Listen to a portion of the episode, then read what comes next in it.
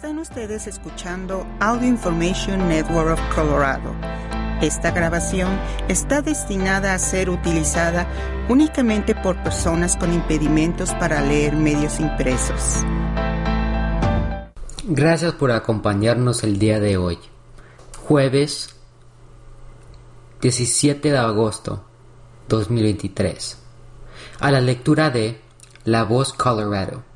Mi nombre es David Murphy. Estos son los principales artículos que leeremos hoy. El Departamento de Aguas Residuales de Pueblo gana el premio Platinum Peak Performance. Escrito por Admin. Entran en vigor leyes para ahorrar dinero a los residentes de Colorado. Escrito por Admin. La, acusación de Trump se lee como un drama de ficción de Hollywood, repleto de estrellas. Escrito por Ernest Goulet y continuaremos con algunos artículos diversos.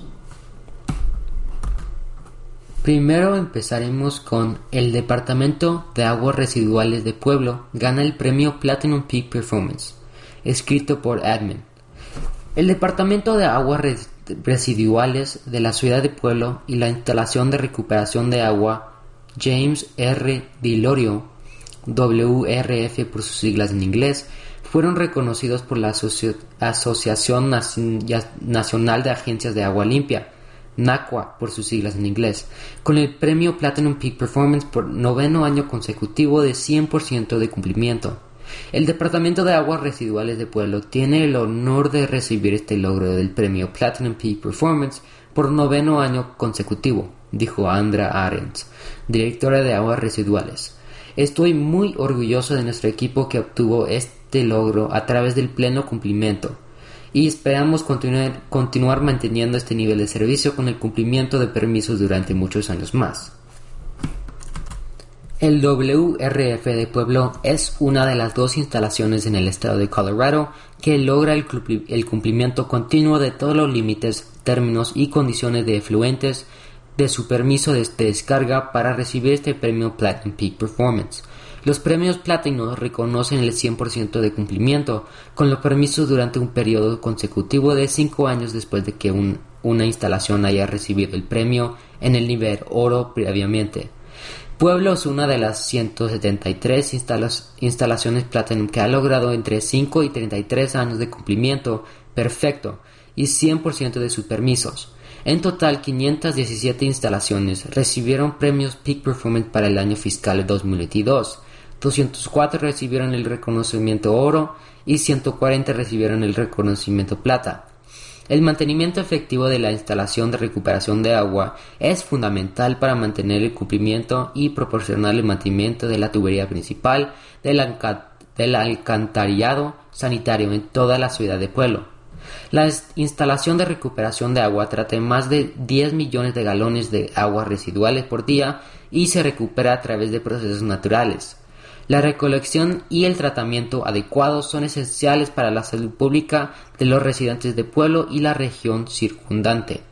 Este reconocimiento para la instalación de recuperación de agua es un testimonio del arduo trabajo de nuestro personal dedicado que se toma muy en serio el cumplimiento de las normas y el cumplimiento para brindar la más alta calidad de servicio y seguridad a nuestra comunidad y la región circundante, dijo Ahrens.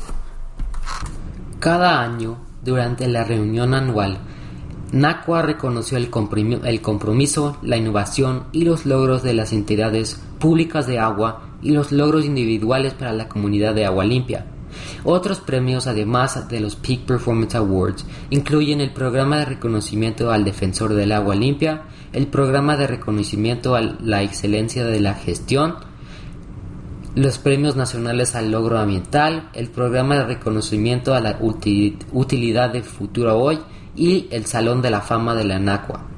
Durante más de 50 años, NACUA ha sido el líder reconocido de la nación en defensa legislativa, regulatoria y legal en todo el espectro de problemas de agua limpia, así como el principal recurso técnico para la gestión del agua, la, sostenibilidad y los intereses de protección del ecosistema. NACUA representa agencias públicas de aguas residuales y aguas pluviales de todos los tamaños en todo, país, todo el país. La red única y creciente de la Asociación fortalece la voz de defensa de todos los servicios públicos miembros y garantiza que tengan las herramientas necesarias para proporcionar agua limpia, asequible y sostenible para todos. Ahora continuaremos con entra en vigor leyes para ahorrar, para ahorrar dinero a los residentes de Colorado. Escrito por Admin. El 7 de agosto entraron en vigencia tres leyes para reducir el costo de la vivienda, proteger el acceso de, los propietarios a los planes de seguro y mejorar la capacidad de los gobiernos locales para hacer que los alquileres a corto plazo cumplan con las normas y regulaciones locales. La falta de viviendas en Colorado está aumentando los precios de las viviendas y las tarifas del alquiler, al mismo tiempo que tiene un impacto negativo en nuestro medio ambiente, dijo el representante William Lindstedt de Broomfield, patrocinador de HB23 1255. Al eliminar los límites arbitrarios de crecimiento local, las comunidades podrán construir viviendas estratégicamente que se adapten mejor a nuestras necesidades y al mismo tiempo reducir nuestra dependencia eh, de los viajes en automóvil, lo que mejorará la calidad del aire. Colorado necesita más viviendas, dijo la, senadora Julie González de Denver, patrocinadora de H23 1255. La eliminación de los topes de crecimiento arbitrarios aumentará la oferta y permitirá que más habitantes de Colorado permanezcan en las comunidades en las que viven y trabajan actualmente. Los topes de crecimiento arbitrarios trasladan la carga de mantenerse al día con la demanda de vivienda en las comunidades vecinas y a menudo de bajos ingresos, dijo la representante Ruby Dixon de Centennial, patrocinadora de HB23 1255. La asequibilidad de la vivienda es una de las mayores preocupaciones de los habitantes de Colorado. Con nuestra nueva ley que entrará en vigencia pronto, podemos abordar nuestra escasez de viviendas juntos mientras reducimos los tiempos de viaje y la contaminación del aire. A partir del 7 de agosto, los gobiernos locales tienen prohibido promulgar y hacer cumplir restricciones de crecimiento de viviendas que limitan el desarrollo de viviendas a una cierta cantidad de permisos o aprobaciones de construcción sin un proceso transparente y una consideración justa de los méritos de una propuesta, Bajo HB23 1255, los gobiernos locales no están obligados a aceptar desarrollos o proyectos específicos, pero no pueden rechazar una propuesta simplemente debido a un límite de crecimiento arbitrario. La creciente amenaza de incendios forestales ha dejado a muchos propietarios de viviendas con menos cobertura de seguro de la que necesitan, pero con nuestra nueva ley, los propietarios de viviendas tendrán más opciones de cobertura adicional que puedan pagar dijo la representante Judy Amabile de Boulder, patrocinadora de H23 1174. Los habitantes de Colorado podrán comprar un plan que les brinde la tranquilidad de saber que su hogar está debidamente asegurado en caso de un desastre por incendio forestal. A partir del 7 de agosto, la HB 23174 también patrocinada por el senador republicano Mark Baisley, requiere que las compañías de seguros del hogar ofrezcan una variedad de coberturas extendidas para proteger a los consumidores, cubriendo el costo de reparación o reemplazo de una estructura dañada o destruida. Si un propietario desea cobertura adicional, la aseguradora debe ofrecer cobertura para reemplazo extendido, ley y ordenanza y protección contra la inflación. También amplia el periodo de tiempo en el que una aseguradora, una aseguradora tendrá, tendría que notificar al propietario de una vivienda sobre una cancelación o negativa a renovar una póliza del propietario de vivienda de 30 a 60 días. La representante Yuri Amabil aprobó una legislación similar en la sesión legislativa de 2022 en respuesta al incendio de Marshall que destruyó más de mil viviendas en el condado de Boulder. La ley aseguró que los propietarios recibirán una compensación justa por la pérdida de su propiedad y simplificó el proceso de reclamos de seguros para víctimas de desastres con seguro insuficiente. Estas dos nuevas leyes bipartidistas que entran en vigencia hoy son el siguiente paso en nuestro compromiso continuo y multifacético para abordar la crisis de vivienda en Colorado, dijo el senador Dylan Roberts de Avon patrocinador de HB23 1174 y HB23 1287. Las protecciones de seguro reforzadas que ofrece HB 1174 ayudarán a proteger a los habitantes vulnerables de Colorado y permitirán que las personas aseguren sus hogares, negocios y propiedades contra posibles desastres como incendios forestales. Y con HB 23 1287 estamos fortaleciendo las protecciones para los residentes locales en las comunidades turísticas rurales para ayudar a frenar los impactos no deseados de los alquileres a corto plazo en nuestras comunidades. Los alquileres a corto plazo ofrecen beneficios importantes para nuestras comunidades montañosas y apoyan el turismo, pero está claro que tienen un impacto en la habitabilidad de nuestras ciudades, dijo la presidenta de la Cámara, Judy McCloskey, de Dillon patrocinadora de H23 1287. Al fortalecer la transparencia y el cumplimiento de las regulaciones locales de alquileres a corto plazo, podemos vivir en vecindarios que funcionen mejor para todos. Las comunidades de centros turísticos rurales conocen de primera mano el impacto que ha tenido los alquileres a corto plazo en nuestros vecindarios y nuestro mercado inmobiliario dijo la representante Megan Lukens de Steamboat Springs, patrocinadora de HB23 1287.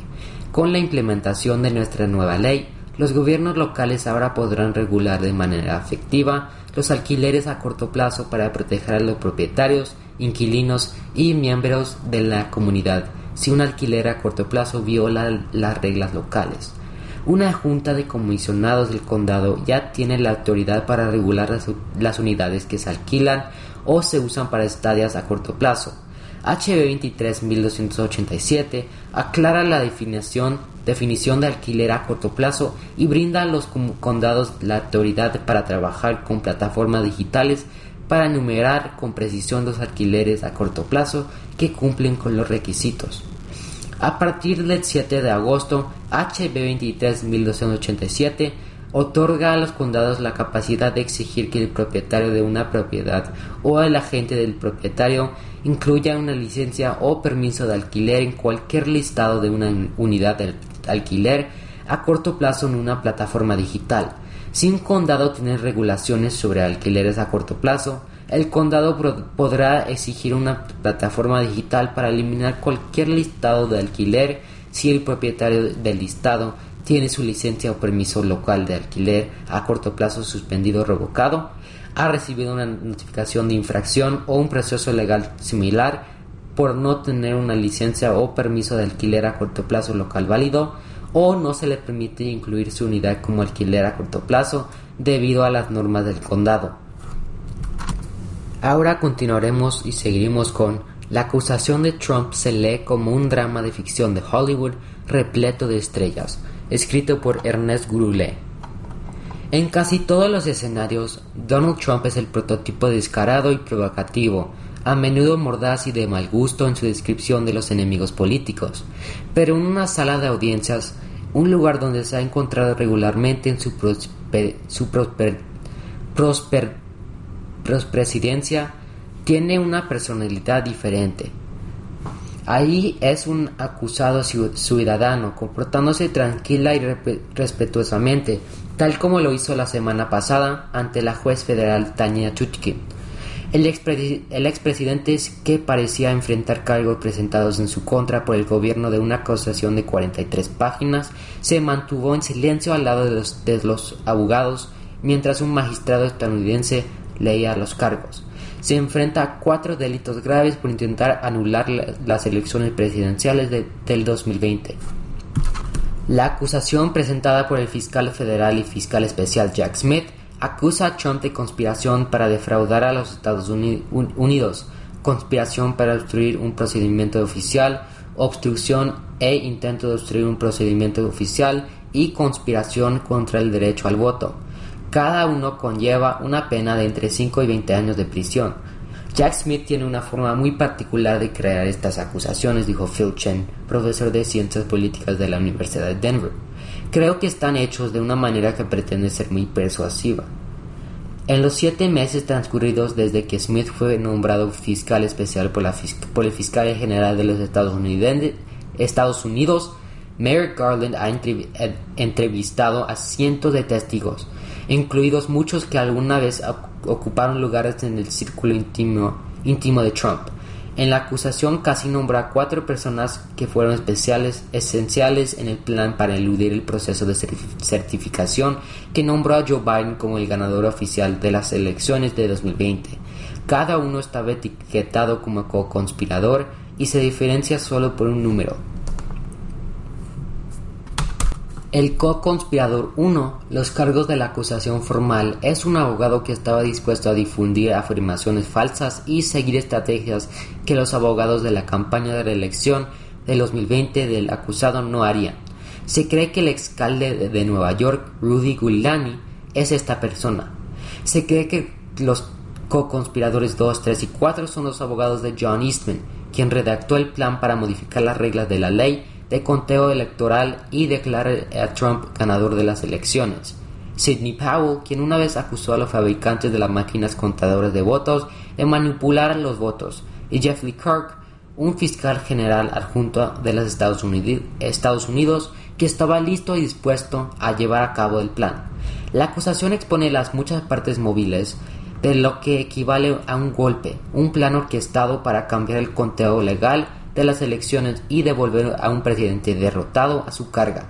La planificación de esta empresa, alega, alega el gobierno, comenzó pocos días después de las elecciones del 2020 y fue redactada por Eastman, quien alguna vez fue académico visitante de pensamiento y política conservadores en la Universidad de Colorado. El plan de Eastman se basó en, el falsa, en la falsa narrativa de que cientos de miles de votos contados a favor de Biden en realidad fueron emitidos por personas muertas, no residentes, no ciudadanos, no ciudadanos. La acusación establece que Eastman sabía que esto no era cierto. También establece que los abogados de DOJ, DOJ, DHS, DNI y la Casa Blanca también sabían que el plan de Eastman no tenía fundamento. Aún así, el presidente no solo no hizo ningún esfuerzo por detener su ejecución, sino que la alentó. A pesar de la evidencia que conecta a Eastman con el plan del golpe, las apariciones regulares de Guyani en todo el país, a menudo ante los cuerpos legislativos, perpetúan el mito de una victoria de Trump. Las escandalosas afirmaciones de Powell de que las fuerzas oscuras comprometen las máquinas de votación y el deseo de Clark de complacer al presidente proporcionado un oficial imprimatur del DOJ sobre las ilegalidades, ninguna fue acusada. Chen supone que la omisión de Smith al cargar a los cuatro es por diseño. Podría ser que quiera que testifiquen contra Trump, dijo. Otros, dijo el académico de DU, piensan que fue una decisión para ayudar a que el juicio avance más rápido. Aún así, cada uno de ellos permanece en, el mira, en la mira del fiscal especial y aún podría infiltrar delitos graves. Pensé Quizás el segundo personaje más destacado en este oscuro capítulo de la historia estadounidense es el hombre cuyo trabajo era presidir la certificación del conteo electoral. Además, un hombre cuya lealtad a Trump a menudo rayaba en el servillismo. Trump había acusado a Pence durante semanas para que, actuara, para que actuara según el plan de Eastman, pero Pence indicó la acusación, cuestionó repetidamente su autoridad para asumir la demanda de su jefe, sospechando, si no sabiendo de todo, que era ilegal. Sorprendentemente, Eastman sabía que el plan que le había ofrecido a Trump y que quería que Pence llevara a cabo era ilegal, pero en su opinión solo lo era un poco. Simplemente fingió que los electores falsos eran reales, dijo sobre Eastman, la miembro del comité del 6 de enero y ex congresista republicana Liz Cheney. Hasta la falta, Cheney es uno de los pocos republicanos que se mantiene firme en la creencia de que el intento de Trump de subvertir el proceso de certificación fue ilegal. Los miembros de base del caucus republicano se mantienen firmes detrás del expresidente, Chen sospecha que el silencio coincide con las elecciones de 2024 en las que Trump podría volver a ser el candidato del partido. Muchos sienten que hablar en contra del ex jefe ejecutivo podría dañar su reelección. Lo que sigue siendo un tema candente a medida que se acerque el primer debate presidencial republicano es donde estará Pence. El primer debate presidencial fijado para el 23 de agosto podría continuar sin Pence si no ha recaudado el dinero necesario para ser incluido. Pero quizás el mayor misterio es dónde estará Pence una vez que comience el juicio federal de Trump. Pence ha recordado las conversaciones que se estuvo con Trump, incluidas varias reuniones en las que Trump lo criticó por no ser un jugador de equipo, por ser desleal y por ser demasiado honesto. Al fiscal especial Smith, sin duda le, encantaría poner a Pence en el estrado para compartir estos recuerdos. Pero Pence será solo uno de los muchos exmiembros de la Casa Blanca de Trump que también pueden tener recuerdos de conversaciones que a la fiscalía le encantaría exponer a la luz. Mark Meadows, el jefe de gabinete del expresidente, que ahora es sospechoso de cooperar con el fiscal especial, puede ser el próximo nombre más importante. Trump, ahora en libertad bajo fianza, no tiene previsto volver a, comparecer ante la jueza federal Tanya Chutkin hasta el 28 de agosto. Sin embargo, eso podría cambiar si el juez Chutkin determina que Trump violó los términos de su fianza la semana pasada cuando prometió no decir nada que pudiera intimidar a los testigos al revelar indebidamente evidencia confidencial recibida del gobierno. Sus abogados comparecieron en su nombre para explicar su reciente arrebato durante las paradas de campaña del fin de semana.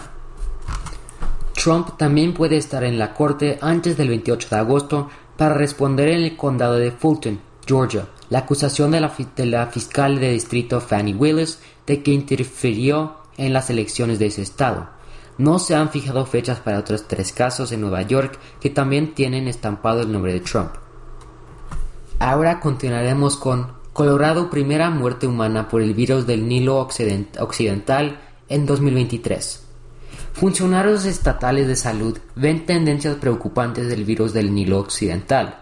El Departamento de Salud Pública y Medio Ambiente de Colorado confirmó la primera muerte humana por el virus del Nilo Occidental este año en una persona del condado de Weld. En lo que va la temporada, los funcionarios de salud estatales han confirmado 12 casos humanos del virus del Nilo Occidental en residentes de 8 condados. Este es un aumento significativo de los tres casos, casos, informados en la semana pasada y son más casos de las que normalmente veríamos en esta época del año. Además, el virus del Nilo Occidental se ha encontrado en mosquitos en 8 de los 11 condados que han probado mosquitos esta temporada, incluidos los condados de Adams, Arapahoe, Boulder, Delta, Denver, Larimer, Pueblo y Weld. Este aumento de casos humanos del virus del Nilo Occidental sigue a informes de niveles inusualmente altos de infección en los mosquitos de Culex que transmiten el virus. La abundancia de mosquitos Culex esta temporada probablemente se deba a la cantidad inusual de precipitaciones este invierno y primavera. Las tendencias que estamos viendo en nuestros datos de seguimiento del virus del Nilo Occidental no tienen precedentes, dijo la doctora Rachel Herlihy la cantidad de mosquitos infectados con el virus del Nilo Occidental que hemos detectado esta temporada es la más alta que hemos visto en años. Esto es especialmente preocupante ahora que agosto está aquí y septiembre está a la vuelta de la esquina, ya que generalmente es cuando los casos humanos alcanzan su punto máximo en Colorado. Si bien la mayoría de las personas infectadas con el virus del Nilo Occidental no tienen síntomas, algunas pueden desarrollar una enfermedad grave y potencialmente mortal. En 2022, Colorado tuvo 206 casos humanos informados del virus del Nilo Occidental, incluidas 20 muertes. Las personas de 60 años o más y aquellas con ciertas condiciones médicas corren un mayor riesgo de enfermarse gravemente. Hable con un proveedor de atención médica si tiene fiebre con dolores de cabeza intensos o confusión. El virus del Nilo Occidental se transmite más comúnmente a las personas por la picadura de un mosquito infectado. Para protegerse, Use repelentes de insectos cuando salga al aire libre. Los repelentes que contienen DEET, picaridina, IR3535, aceite de eucalipto limón o productos de paramentano, diol brindan la mejor protección. Para obtener más información sobre repelentes de insectos, visite la página web de información de la EPA. Siga siempre las instrucciones de la etiqueta. Limite las actividades al aire libre al atardecer y al amanecer. cuando los mosquitos están más activos. Usa pantalones largos, camisas de manga larga y calcetines en áreas donde los mosquitos estén activos. Rocie la ropa con repelente de insectos para mayor protección. Además de eliminar semanalmente el agua estacada alrededor de su hogar, también puede proteger su hogar contra los mosquitos instalando o reparando mosquiteros en ventanas y puertas. Puede encontrar datos adicionales que se remontan a 2003 en la página web del virus del Nilo Occidental de CDPHY, que se actualiza semanalmente durante la temporada. Gracias por acompañarnos en esta edición de La Voz Colorado. Mi nombre es David Murphy.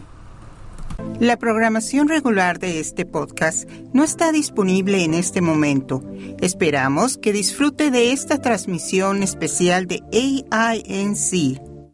Gracias por acompañarnos el día de hoy, miércoles 22 de agosto de 2023, a la lectura de Telemundo Denver.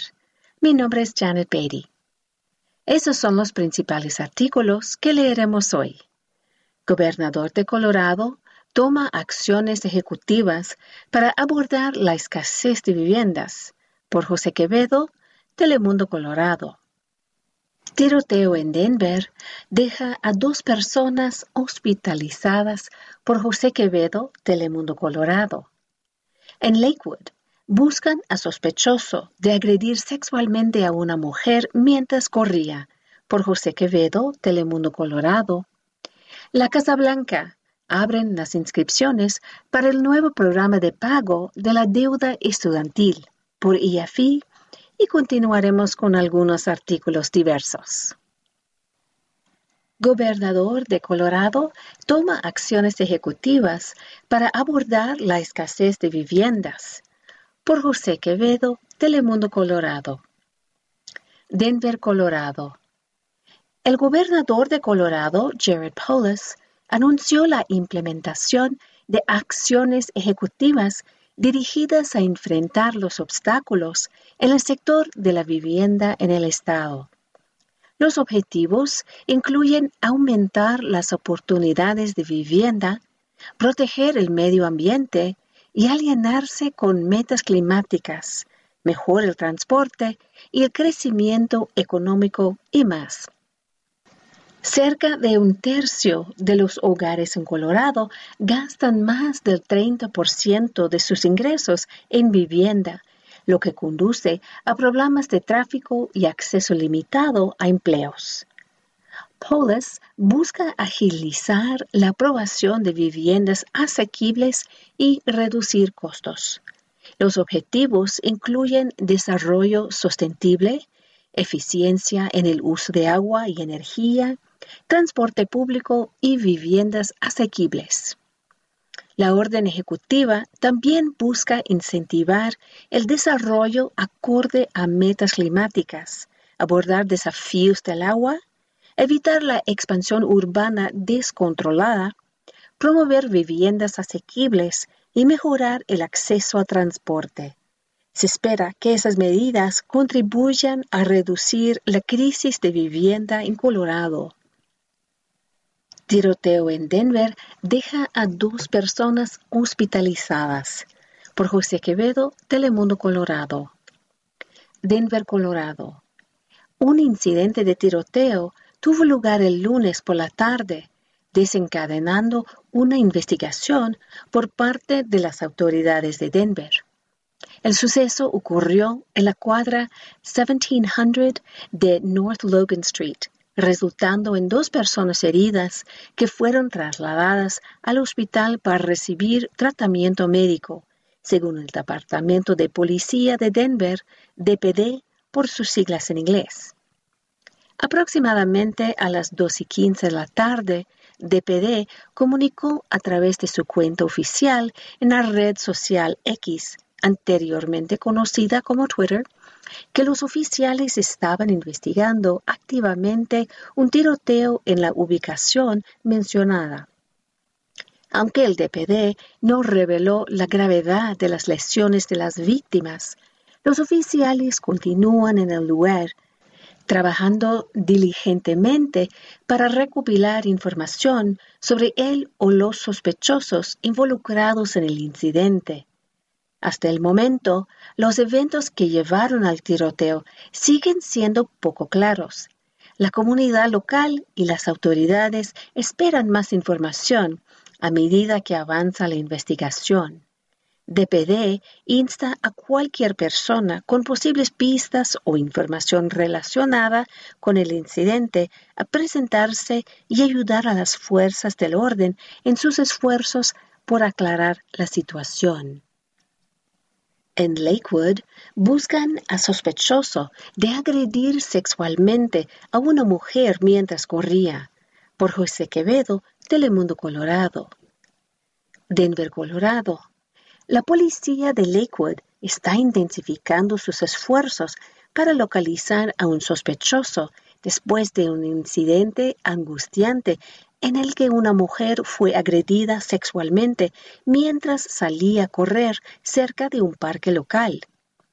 El incidente ocurrió el 6 de agosto de 2023, alrededor de las 2 y 45 de la tarde.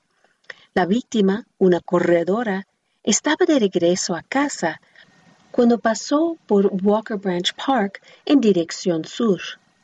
En ese momento, un sospechoso no identificado había observado a la víctima pasar cerca del parque. Comenzó a seguirla.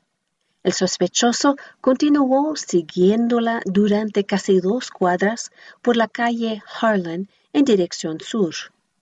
La agresión ocurrió en la intersección de la 14 Avenue y Harlan Street.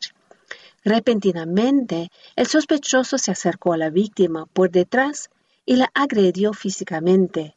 Procedió a tocarla de manera inapropiada antes de escapar rápidamente, dirigiéndose hacia el norte por la calle Harlan y luego hacia por el este por la 16 Avenue. Según la descripción proporcionada por las autoridades, el sospechoso es descrito como un hombre hispano de entre 20 y 30 años, con una constitución delgada de aproximadamente 5 pies 8 pulgadas a 5 pies 10 pulgadas de altura. Tenía una característica barba facial negra. La policía de Lakewood insta a cualquier persona con información revelante o que pueda haber sido testigo del incidente a presentarse y colaborar en su investigación. La seguridad de la comunidad sigue siendo una prioridad y las autoridades están comprometidas en detener al responsable de este perturbador acto.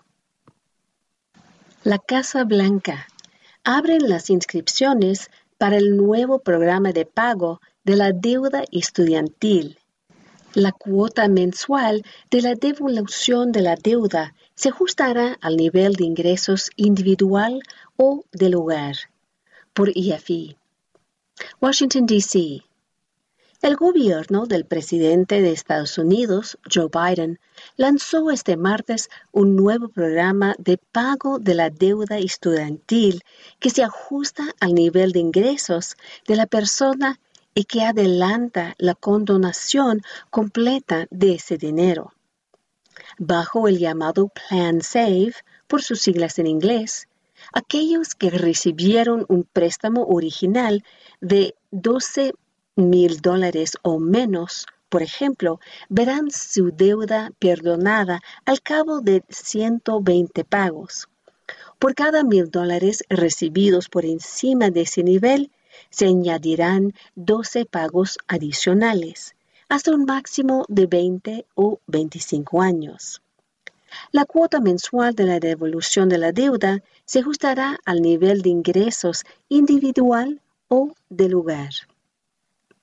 Una persona que gane 15 dólares por hora queda exenta de los pagos mensuales, una condición que, según el gobierno, beneficiará a más de un millón de personas de bajos ingresos, mientras que aquellos que superen esa cifra se ahorrarán cerca de mil dólares anuales en sus pagos en comparación con otros planes actuales. El Departamento de Educación pone también un tope a los intereses. Si un prestatario acumula 50 dólares en intereses cada mes y la cuota de devolución mensual bajo el nuevo plan es de 30, los 20 restantes no se le cobrarán siempre y cuando cumpla sus pagos. El Ejecutivo calcula que el 85% de los prestatarios de universidades públicas estarán libres de deuda al cabo de 10 años y estima que, de media, los afroamericanos, hispanos, nativos americanos y de Alaska verán sus pagos totales reducidos a la mitad.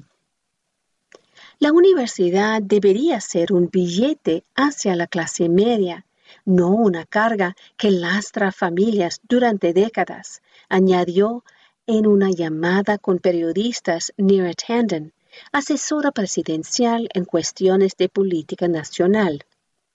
La administración estadounidense recordó que desde la llegada al poder de Biden en enero de 2021 ha aprobado ya la cancelación de más de 116 mil millones de dólares a 3.4 millones de personas y avanza que el nuevo plan permitirá más ahorros. Nadie debería tener que elegir entre pagar la casa o comida y pagar la deuda estudiantil añadió por su parte el secretario de Educación Miguel Cardona.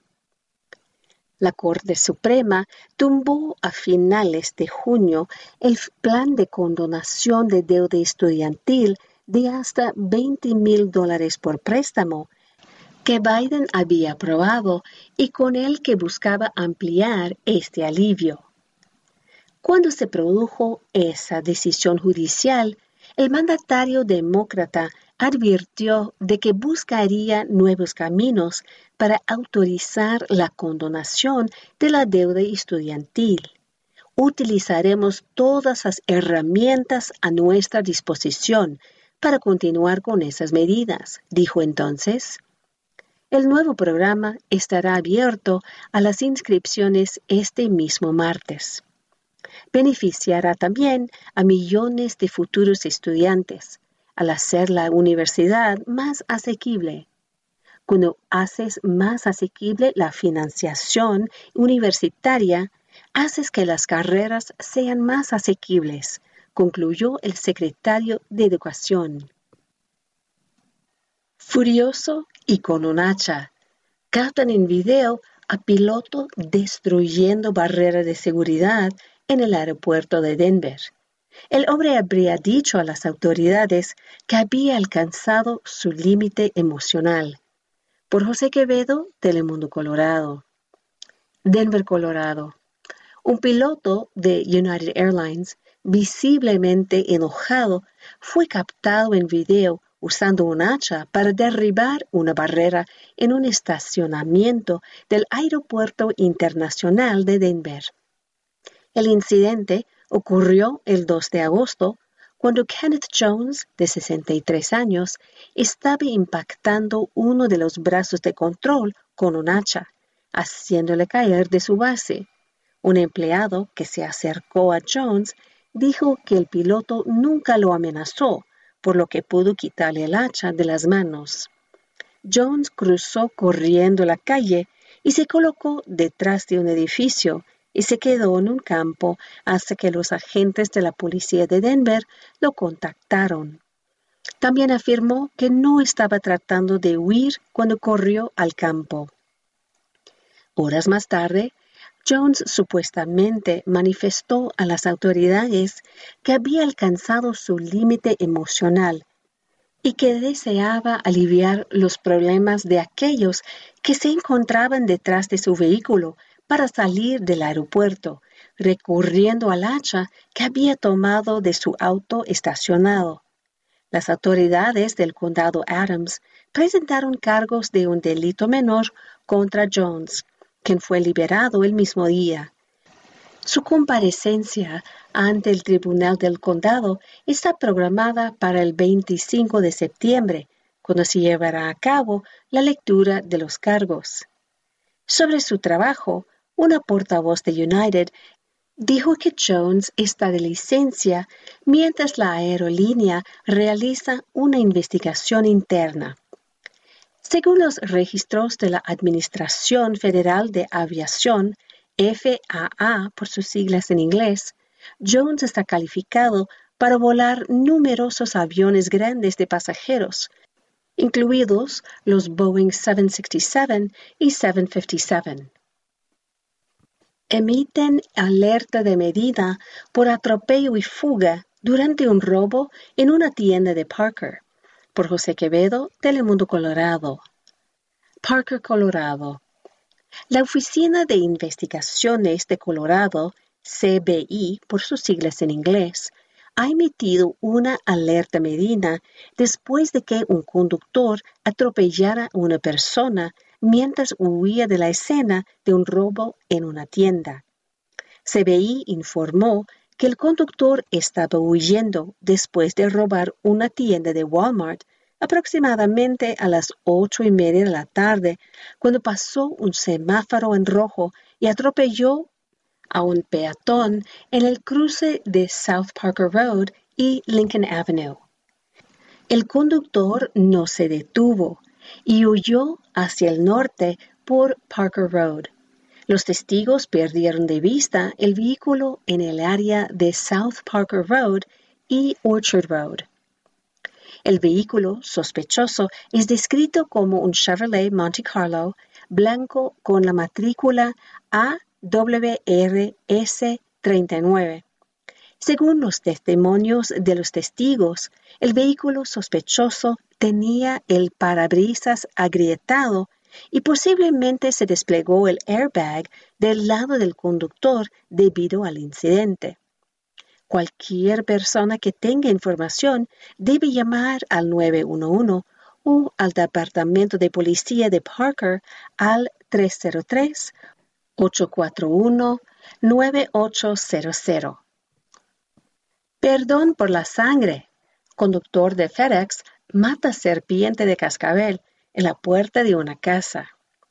El conductor se disculpó con la clienta diciendo perdón por la sangre por Brendan Brightman y NBC. Una mujer en Nebraska está pidiendo que un conductor de FedEx sea nombrado empleado del año después de que se encargó de una serpiente de cascabel que se había enroscado justo afuera de la puerta de su casa. El video de seguridad de Ring capturó a la serpiente deslizándose por los escalones de la entrada de la casa y enrollándose en una esquina al frente de la casa. Unos minutos más tarde, Matt Govier llegó para entregar un paquete. Empezó a escuchar el traqueteo de la serpiente venenosa cercana. Govier primero saltó a los escalones de la entrada y esperó a la serpiente. Luego agarró un rastrillo y una pala de la casa y de alguna manera logró que la serpiente se enrollara alrededor del rastrillo. Govier y luego llevó a la serpiente al jardín delantero, donde la mató. Espero que no tuvieras una serpiente de cascabel como mascota en la puerta de tu casa, porque la maté. Perdón por la sangre, escribió Govier en su mensaje de texto al cliente Christine Jones. Jones estaba encantado de que Govier se hiciera cargo del reptil venenoso y dijo en una publicación de Facebook que debería ser nombrado el empleado del año de FedEx. La tormenta Franklin acelera su ritmo en el Caribe. Hay avisos para República Dominicana. El ciclón tenía vientos máximos sostenidos de 50 millas por hora y se espera que atraviesa República Dominicana este miércoles. Por Telemundo Digital. Miami, Florida. La tormenta tropical Franklin dejaba fuertes lluvias y vientos en porciones de La Española y Puerto Rico este martes, mientras enfilaba rumbo a República Dominicana y Haití, según el Centro Nacional de Huracanes, NHC por sus siglas en inglés. Según el boletín de las 11 de la mañana de este martes del NHC, la tormenta se encontraba a 220 millas al sur de Santo Domingo, capital de la República Dominicana. Registraba vientos máximos sostenidos de 50 millas por hora y avanzaba en dirección noroeste a 7 millas por hora. Se anticipa que el centro de Franklin toque tierra en algún punto de República Dominicana el miércoles y podría fortalecerse un poco más en su avance por aguas del Atlántico. Avisos, vigilancias y advertencias vigentes. Sigue en vigor un aviso de tormenta tropical para Republicana, toda la costa sur, desde la frontera con Haití hacia el este, hasta Isla Saona. Haití, toda la costa sur, desde Ans Daniwald hacia el este hasta la frontera con la República Dominicana. Una vigilancia de tormenta tropical está en efecto para toda la costa norte y este de República Dominicana, desde la frontera con Haití hacia el este y sur, hasta Isla Sawana, Islas Turcas y Caicos. De acuerdo con el NHC, perdón, Franklin dejaría entre 2 a 4 pulgadas de lluvia, con algunas cantidades de 6 pulgadas en Puerto Rico y de entre 5 y 10 pulgadas, con aislados de 15 pulgadas en Haití y República Dominicana. Así va la temporada ciclónica en el Atlántico. La actual temporada de huracanes en el Atlántico comenzó el 1 de junio y termina el 30 de noviembre. Se prevé que tendrá un número promedio de ciclones, con al menos 12 tormentas con nombres, de las que entre 5 y 9 se convertirán en huracanes, y al menos una podría ser un huracán mayor. La tormenta tropical Arlene, con la primera con nombre de la temporada, 2023 se formó a principios de junio. Se desvaneció al cabo de dos días y no llegó a tocar tierra. La tormenta tropical Brett, la segunda de la temporada, se formó el 22 de junio y dejó lluvias torrenciales en el Caribe. La tormenta tropical Emily se formó el domingo 20 de agosto sobre el Atlántico pero se convirtió rápidamente en un remanente. En 2022 hubo 14 tormentas con nombre en el Atlántico, de las cuales nueve alcanzaron categoría de huracán, entre ellas el destructivo Ian. Perrita se come el pasaporte de su dueño a días de viajar para su boda. Donato Frataroli y Magda Masri pueden haber encontrado una manera de reemplazar un pasaporte que fue masticado por su perro Chicky. Por Diane Cho, Asher Klein y Caitlin McKinley Becker. Boston. A menos de dos semanas de que una pareja de Boston se casara en Italia, su perro se comió el pasaporte del novio. Después de años de planear una boda, Donato Frataroli y su prometida Magda Masri tenían previsto volar a Italia el viernes para la boda que habían estado planeando durante años, pero su Golden Retriever, Chicky, arruinó los planes la semana pasada. Mientras la pareja estaba en el ayuntamiento obteniendo su licencia de matrimonio y carta de intención el jueves, y luego cenando, el perro de un año y medio arremetió contra el pasaporte de Frataroli en su casa en South Boston. Chiqui mordió las primeras cuatro páginas del pasaporte, varias páginas posteriores y un sello de México, donde la pareja se comprometió hace unos años. Era como todas las páginas importantes, como toda su información personal, completamente rota. Su página de fotos estaba rota, el código de barras en el reverso del pasaporte estaba roto, dijo Masry, y agregó que Chicky es una muy buena perrita. Ella no es una destructora de casas, agregó Masry sobre su cachorro. Pero no todo es malas noticias, ya que Donato Frataroli logró conseguir una cita para reemplazar su pasaporte en caso de emergencia, dijo su prometida Magda Masry a nuestra cadena hermana NBC 10 Boston el lunes, aunque obtener el pasaporte no estaba garantizado. Los pasaportes generalmente demoran semanas o meses en solicitarse, pero inicialmente no había citas disponibles en el área de Nueva Inglaterra para tratar de obtener un pasaporte nuevo. La pareja incluso se acercó a los miembros del Congreso, cuyas oficinas dijeron que en última instancia todo se reduce al Departamento de Estado y la Oficina de Pasaportes dijo Frataroli. Mientras tanto, la pareja se ha mantenido positiva y esperando lo mejor. Tres personas mueren tras consumir una malteada en el mismo restaurante. Esta es la peligrosa bacteria que estaría relacionada con la muerte de tres personas que compraron la malteada en un restaurante de hamburguesas por Telemundo Digital. Las autoridades reportaron la muerte de tres personas que estarían vinculadas con un brote de listeria en un restaurante familiar de hamburguesas en Tacoma, en el estado de Washington.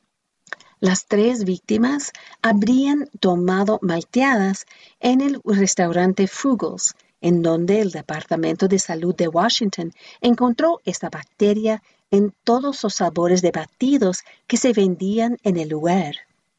Algunos de los síntomas que puede causar la listeria son fiebre, dolores musculares, fatiga, dolor de cabeza, rigidez en el cuello, confusión, pérdida del equilibrio, convulsiones, diarrea y vómitos, según los Centros para el Control y la Prevención de Enfermedades, CDC por sus siglas en inglés. La bacteria causó seis hospitalizaciones de personas entre los 40 y 79 años y tres muertes, según autoridades sanitarias. Los investigadores encontraron listeria en máquinas de helados que no se limpiaron correctamente, informó el Departamento de Salud. Se cree que ningún otro restaurante Frugos se verá afectado. Aunque el restaurante dejó de usar sus máquinas de helados el 8 de agosto, la listeria puede seguir afectando a las personas hasta 70 días, aclararon las autoridades. Se cree que más personas pueden estar enfermas y que consumieron en el restaurante entre el 29 de mayo y el 7 de agosto.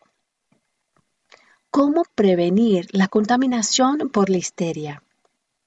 La bacteria puede encontrarse en las superficies donde se preparan los alimentos, en el queso fresco no pasteurizado, en las verduras de hoja verde y en los embutidos, así como en la leche cruda. Aunque las personas sanas sufren temporalmente fiebre, dolores musculares, náuseas, dolor abdominal y diarrea, la listeria monocitogenes puede ser mortal para las embarazadas, los mayores de 56 años y las personas con sistemas inmunitarios comprometidos. La bacteria se vence fácilmente calentando los alimentos a 165 grados o más. En julio del año pasado, los Centros para el Control y la Prevención de Enfermedades CDC, por sus siglas en inglés, de Estados Unidos anunciaron 22 hospitalizaciones y una muerte por un brote de listeria en varios estados. En un extraño fenómeno, siete planetas estarán retrógados en los próximos días. ¿Qué hacer?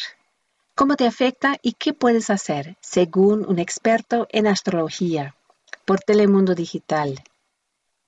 Siete planetas estarán retrógrados en los próximos días, según expertos en astrología. Ocurrirá a partir del 24 de agosto.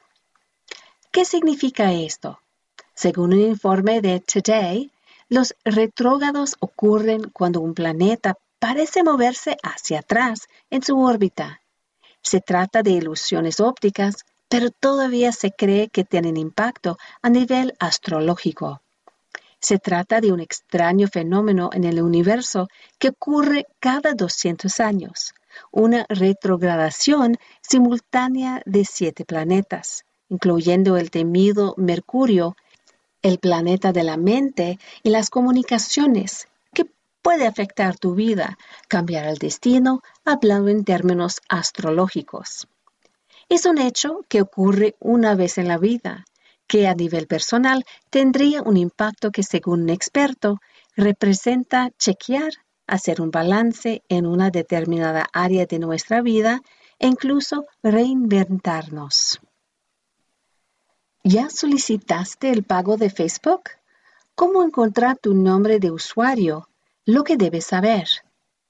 Para aquellos que no están seguros de si son elegibles, los requisitos de elegibilidad cambiaron este verano antes de esa fecha límite. Por NBC5 Staff.